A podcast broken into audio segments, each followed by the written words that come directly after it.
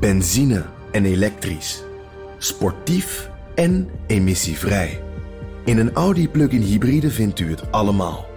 Ervaar de A6, Q5, Q7 en Q8 standaard met quattro vierwielaandrijving. Wat u ook zoekt, u vindt het in een Audi. Audi. Voorsprong door techniek. Je hebt aardig wat vermogen opgebouwd. En daar zit je dan, met je ton op de bank. Wel een beetje saai, hè? Wil jij, als belegger, onderdeel zijn van het verleden of van de toekomst? Bridgefund is een slimme fintech die een brug slaat tussen de financiële behoeften van ondernemers en van beleggers. Dus wie belegt bij Bridgefund krijgt niet alleen een mooie vaste rente, maar brengt ook ondernemers in beweging. Echt waar. Met die ton kan je zoveel betere dingen doen. Bridgefund. Make money smile. Vanaf de redactie van NRC het verhaal van vandaag. Mijn naam is Thomas Ruip.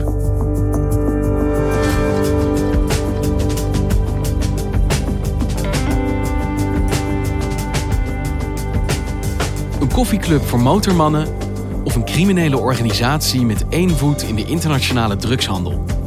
Hoe justitie aankijkt tegen motorclub No Surrender staat haaks op hoe de club zichzelf presenteert. Voorman Henk Kuipers laat cameraploegen binnen, gaat langs bij Johan Derksen en zegt: Ik heb niets te verbergen. Maar waarom eist justitie deze week tegen hem dan toch 12 jaar cel?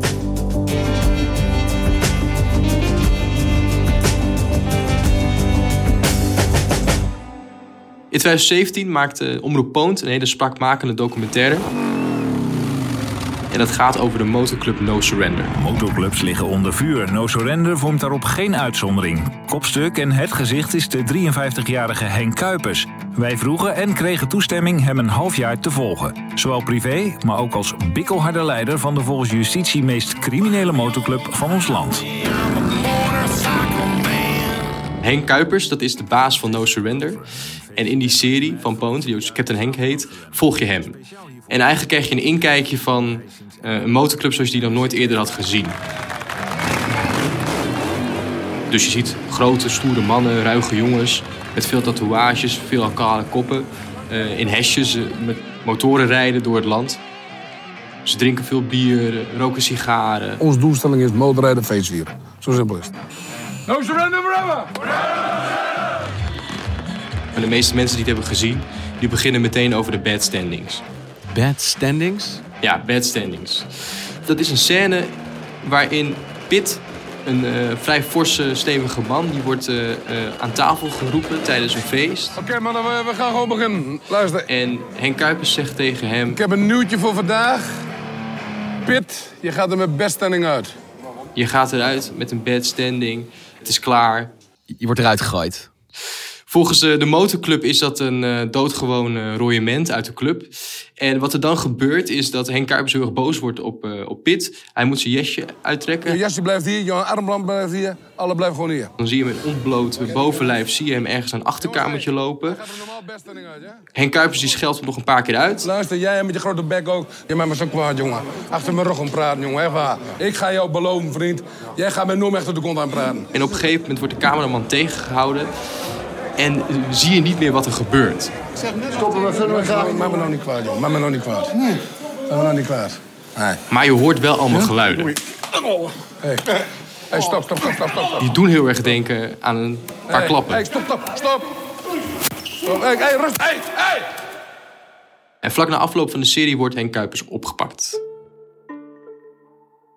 Vanmorgen is de baas van No Surrender, Henk Kuipers, gearresteerd op verdenking van onder andere zware mishandeling en afpersing. Hij wordt verdacht van uh, afpersing, valsheid in geschriften, leiding geven aan een criminele organisatie en geweldsmisdrijven. En die geweldsmisdrijven die zijn dus gelieerd aan die bad standings. Dus eigenlijk staat hij dus nu voor een rechter op basis van wat wij eigenlijk gewoon op televisie hebben kunnen zien. Ja, maar wij hebben natuurlijk vooral de leuke kanten van de club kunnen zien. Dus dat het een hele hechte motorclub is waarin er zeker sprake is van hiërarchie. Maar mensen ook graag zich willen bewijzen en ook onderdeel willen zijn van de club. Ze doen ook aan liefdadigheidsevenementen. Er wordt geld ingezameld. Dus je krijgt gewoon een gevoel en een beeld van een club van stoere, ruige mannen. Die eigenlijk gewoon een hobby hebben. En dat is motorrijden en een beetje bier drinken met elkaar. Oude jongens krentenbrood. En uh, lekker lol onder elkaar. Het, eh, ik, ik zit me eigenlijk ook wel eens aan te vragen waarom dat justitie achter ons aan zit. Maar justitie denkt niet dat dat het hele verhaal is. Zij denken namelijk dat No Surrender een ordinaire criminele organisatie is. Je hebt hier dus eigenlijk twee diametraal tegengestelde versies van No Surrender. Volgens de club zelf zijn het dus ja, gewoon gezellige motorrijdende mannen. En justitie zegt dit is een harde criminele organisatie die aangepakt moet worden. Ja, precies. Want wat is het verhaal van No Surrender? Wat weten wij van deze motorclub? Wat we weten is dat de club ooit begonnen is in 2013. Toen is No Surrender opgericht uh, door Klaas Otto. En Klaas Otto was een leider van Satudara, een andere motorclub.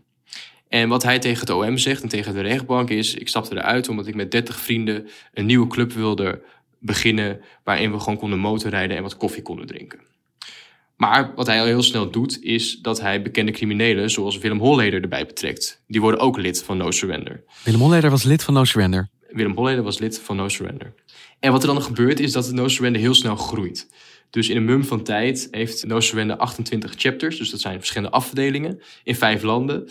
En zijn er ongeveer 500 leden. En Klaas Otto is dus de oprichter. Maar wanneer komt Henk Kuipers, Captain Henk, dan in zicht? Henk Kuipers die was altijd al betrokken bij de club, maar in 2016 neemt hij volgens de OM de leiding over. Ehm, in 2016 stapt Klaas Otto namelijk zelf uit de club. Waarom? Dat is niet helemaal duidelijk. Hij zelf zegt dat hij niet meer gelieerd wilde worden aan misstanden binnen de club. En Henk Kuipers neemt dus de leiding over. En Henk Kuipers die zat ook al bij Satudara. En was in het verleden was een vechtsporter en bekende beveiliger. Want hij heeft onder andere René Vroger, André Hazes beveiligd. En ook eh, Bill Gates toen hij uh, een paar dagen in Nederland was. Heeft Bill Gates beveiligd? Hij heeft Bill Gates beveiligd. Daar heeft hij ook allemaal foto's van. En hij neemt dus de leiding over en groeit uit, vrij snel uit tot de bekendste leider van No Surrender. En hoe profileert hij zich als leider van die motorclub?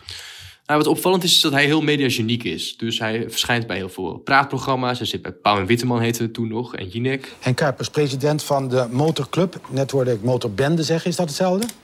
Ja, volgens mij niet. Nou, verschijnt veel in de media. Ja. Uh, terwijl je er verder nog als een hele sympathieke, leuke man uitziet. Ja, maar ik ben ook wel sympathiek. En eigenlijk naar buiten toe denk je van... nou, dat is wel een ruige man... maar daar zou ik best een biertje mee kunnen drinken. Ik wil het wel zien, de president van No Surrender die kan zingen. Ja, niet de president, maar. sorry, de captain. Captain, captain, captain, captain. Mijn zoon was gisteren jarig. Hij werd acht jaar oud, mijn schat. Hij vroeg en dat is ook misschien de reden dat hij zo'n cameraploeg bij zich naar binnen laat en zegt: Nou, kijk maar eventjes mee met mijn leven. Ja, dat zou heel goed kunnen. Alleen wist ik niet waarom. In hoeverre, als je die documentaire krijgt, krijg je het gevoel dat dit alles is wat ze doen? Of dat het maar een klein gedeelte is van de activiteiten van die club die we ook op televisie daadwerkelijk te zien krijgen? Nou ja, ze krijgen wel veel toegang, de makers van de documentaire. Je hebt ook wel het gevoel dat je meer ziet dan je normaal zou zien. Dus je, je, je krijgt iets mee van die bedstanding. Uh, en er zijn ook andere dingen die heel erg opvallen, zoals het moment dat je lid wordt. Daar hebben ze een heel uh, ritueel voor, een soort ontgroeningsritueel.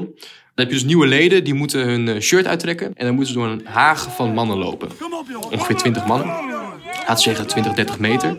En al die mannen die hebben hun leren jackie hebben ze uitgetrokken, hebben ze duct tape omheen gedaan. En die gebruiken ze als een soort van knuppel om je mee te slaan. En dan moet je zo snel mogelijk met ontbloot bovenlijf, uh, met je handen boven je hoofd, door die haag van mannen rennen terwijl je geslagen wordt. En wat je dan aan het einde van die haag ziet, als al die mannen klappen hebben gekregen uh, en uh, hopelijk overeind het einde bereiken, dan staat daar Henk Kuipers, vaak met een sigaar in zijn mond, een beetje laconiek, knikje gevend dat het goed is en uh, geef je een jekje en dan hoor je er dus echt daadwerkelijk bij. Waarom is dat eigenlijk nodig, het slaan? Uh, ja, het is een ritueel van vroeger. Het is als je wil laten zien dat je bij die groep hoort. Viel mij op, jij staat gewoon te lachen, hè, terwijl ze worden Ja, geslagen. het is, kijk, je hebt het zelf ook allemaal meegemaakt. En, ja, dat deed, ook lach, we hebben het ook lachend meegemaakt. Aan de ene kant denk je, een cameraploeg binnenlaten in jouw club, in jouw wereld. Ja, een duidelijker signaal van ik heb niks te verbergen is er niet. Maar justitie zegt dus, dat is er wel degelijk. Iets te verbergen. Ja, dat is dus precies het beeld waar het OM tegen in wil gaan. Wat wij zien in de documentaire, dat is de mediastrategie volgens justitie, die No Surrender hanteert. Zodat wij als, als leken een ander beeld krijgen van de club dan zoals die daadwerkelijk is.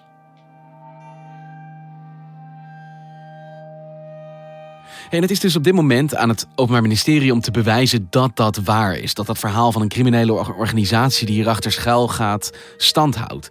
Hoe willen zij dat gaan bewijzen? Hoe pakken ze dat aan? Ja, in de rechtbank uh, in uh, Noord-Nederland loopt nu een van de grootste rechtszaken. En dat is tegen vier mensen die volgens het OM leiding zouden geven aan uh, de criminele organisatie No Surrender. Dat zijn dus Henk Kuipers en daarnaast Klaas Otto, Rico R. en Theo Ten V. Daarvoor moet OM drie dingen doen. Namelijk, ze moeten eerst aantonen dat No Surrender een organisatie is. Een organisatie, punt. Ja, nou, dat gaat ze waarschijnlijk wel lukken, want ze hebben verschillende notulen, agenda's, stichtingspapieren, um, notulen. En daarnaast moet het OM bewijzen dat het een criminele organisatie is. En dat de vier mannen leiding hebben gegeven aan deze criminele organisatie. En hoe willen ze dat gaan doen? Ja, het OM heeft ongeveer drie jaar onderzoek gedaan. Ze hebben allemaal documenten in handen. Ze hebben geprobeerd om uh, verklaringen te krijgen van getuigen. En ze hebben het clubhuis dus een paar jaar lang afgeluisterd. In het clubhuis zijn gedurende een lange periode gesprekken afgeluisterd. Dat is met toestemming van de rechter gebeurd. Een van de dingen die het OM vaak in een rechtszaak heeft genoemd... is dat No Surrender een internationaal drugsnetwerk leidde. In het clubhuis wordt structureel zeer regelmatig drugs gebruikt. Er wordt over gesproken, maar in het verlengde daarvan is ook op het zeg maar, opgenomen materiaal te horen de hak- en de snuifgeluiden. In het verlengde daarvan wordt binnen de club ook gehandeld in drugs. Uit de opgenomen gesprekken blijkt ook dat er wordt gesproken over de handel buiten de club. Dan gaat het zowel om harddrugs als om softdrugs. En daar gaan ze eigenlijk in de zaak verder bijna niet op in. En dat komt, denk ik, ook omdat ze eigenlijk geen drugs hebben gevonden in het clubhuis of bij andere uh, chapters van No Surrender. Dus dat is een vrij lastige. Dus wat ze, waar ze meer op richten, is dat het gaat om geweld. Tot zover de drugs en dan nu het thema mishandelingen. Er zijn aanwijzingen dat er ernstige mishandelingen in het clubhuis hebben plaatsgevonden. Want volgens hen zijn die bedstandings niet zomaar uh, royementen waarin iemand gewoon de club uit wordt gezet, zijn je jasje moet inleveren en geen contact mag hebben, maar gaat daar veel geweld mee gepaard. En moeten uh, de leden die dus eruit worden gezet ook nog eens 5000 euro betalen als boete. SOM zegt, die bedstandings, dat is een verdienmodel van de club. Clubleden in bedstanding worden door no-surrender leden opgezocht en onder druk gezet. Ze moeten bijvoorbeeld een boete betalen. Um, wat gebeurt is dat hun auto of motor moet worden ingeleverd. Hier wordt in het clubhuis over gesproken. Alleen het lastige is waar het OM mee zit, is dat er ongeveer. Uh, ze zeggen dat ze uh, 100 gesprekken hebben afgeluisterd waarin er sprake zijn van een bad standing. Maar er zijn maar enkele die ze in de zaak naar voren brengen. En volgens de OM komt dat voornamelijk door de omerta. Want er is één belangrijke regel binnen deze club.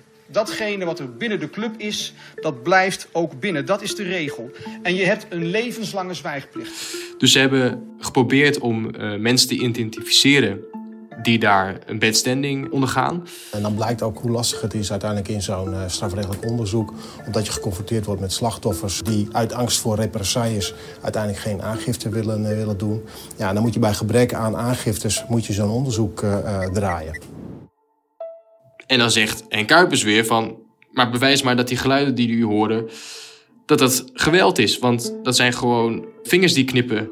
of iemand die tegen een kachel aanloopt. Hey Mark, wat mij verbaast is, aan de ene kant gebruikt justitie hele grote woorden. Het is een criminele organisatie, er gaat een harde wereld schuil achter de motorclubs. En tegelijkertijd ja, hebben ze het hier wel over relatief kleine, of in ieder geval hele specifieke feiten. Uh, ja, klappen bij het royeren, uh, wat geweldsincidenten. Maar ja, het, het lijkt bij mij enigszins haaks te staan op de gedachte dat dit een criminele organisatie is. Ja, en dat is precies het spanningsveld wat heel erg interessant is. En wat ze dan dus nu hebben als bewijs, uh, zijn voornamelijk die geluidsopnames van die bad standings. Je hoort weinig over internationale criminele handel, hoe wijdverbreid het wel niet is. Uh, en het gaat voornamelijk over die paar bad standings en die afpersingen. Want de afgelopen jaren zien we justitie volgens mij vaker worstelen met deze motorclubs. We hebben natuurlijk verschillende gehad. Hells Angels, Satudara. En telkens gaat het erom, zijn dit criminele organisaties? Moeten ze verboden worden? Wat gebeurt er nou binnen? Hoe past deze zaak tegen No Surrender in dat bredere plaatje? Kijk, het OM is al jarenlang bezig met het verbieden van motorclubs. En dan gaat het voornamelijk over de 1% motorclubs. Dus de outlaw motorcycle gangs. Want er zijn heel veel motorclubs die daadwerkelijk motorrijden één keer per week en daarna een koffie eh, gaan drinken met z'n allen. En ook gewoon een leren jackie dragen, maar daar blijft het bij. Uh, maar er zijn een paar motorclubs in Nederland die ze proberen te verbieden. En dat is de afgelopen jaren gelukt. Veel motorclubs zijn op dit moment verboden. Waaronder Hells Angels, Satudara, Bandidos, Calawago en dus ook No Surrender. No Surrender maar, is ook verboden? No Surrender is ook verboden. Al loopt er nog een zaak in hoger beroep over de chapters. Of die wel of niet mogen blijven bestaan. Want hoe belangrijk is deze zaak dan voor justitie in die bredere strijd tegen dit soort motorclubs? Nou, wat ze nu proberen te doen is niet een motorclub verbieden, maar is de leiders van een motorclub strafrechtelijk vervolgen. dat is weer een nieuwe stap voor justitie. De eisen zijn heel fors. Het OM heeft eh, 12 jaar cel voor uh, Henk Kuipers gevraagd en uh, drie tot zes jaar voor de andere drie. En dat is een, een, een, een forse straf, maar het is uiteindelijk nog maar de vraag of de rechter daarin meegaat, gezien het bewijs dat er ligt. Of de puzzelstukjes die ze verzameld hebben genoeg zijn om dat grotere plaatje van echt een harde criminele organisatie waar te maken. Precies. Hey, en Mark, wanneer kunnen we dan hier een antwoord op verwachten? Deze week is het uh, woord aan de verdediging. En half november verwacht de rechtbank een uitspraak te kunnen doen. En Henk Kuipers in de tussentijd zit vast. Nee, die is op, uh, op vrije voeten onder voorwaarden. En die zoekt ook uh, geruime tijd de media op. Afgelopen week verscheen op internet weer een filmpje waarin hij een reactie gaf op de zaak. Nee, maar kijk, luister, er zullen altijd mensen blijven gissen naar wat de waarheid is. En dat vind ik ook niet zo ernstig. Ik weet zelf wie ik ben en de mensen die me heel goed kennen, die weten zeker wie ik ben. Ik denk dat dat bij heel veel mensen is. Want we zien altijd die aardige man, maar we lezen dat jij een van de grootste criminelen moet zijn. Afpersing, de meest verschrikkelijke dingen. Ja, Word je van. Dat is ook het bijzondere. Dan, dan denk ik altijd, is Henk nou de Henk die ik zie, die ik nee, voor me heb? Die, wat je ziet, wat je get. Twee weken geleden hoorde je bij Voetbal Insight opeens een anekdote van Johan Derksen. Nou ja, uh, ik kreeg verleden week een ontzettend lief briefje van een mevrouw. Die zei van, ja, mijn man is zo'n fan van uw programma. Hij is binnenkort jarig. Hij zou graag even een praatje met u willen maken. Is dat goed? Nou, de bel gaat, ik open doen. En dan schrik me de pleuris. Want? Henk Kuipers, de voorman van No Surrender. Die stond voor de deur. Zo groot. Net uit voorarrest ontslagen. Ja, criminele organisatie, verdenking. Hè? Ja. En naar eigen zeggen heeft hij hartstikke leuk anderhalf uur lang met deze man gepraat. Ik, ik zou je vertellen, ik geloof er niks van als ze die man op. Nee, dat is allemaal onzin. Geen criminele organisatie. Zo'n charismatische man, nee, echt. Want ik lees dan al die, die rechtszaken. Ja. En dan denk je van, nou, eh, die moet je niet tegenkomen. Nou, je hebt een kostelijke middag. Ja. Voorlopig nog op vrije voet. Voorlopig nog op vrije voet, onder voorwaarden. Dankjewel, Mark. Dankjewel, Thomas.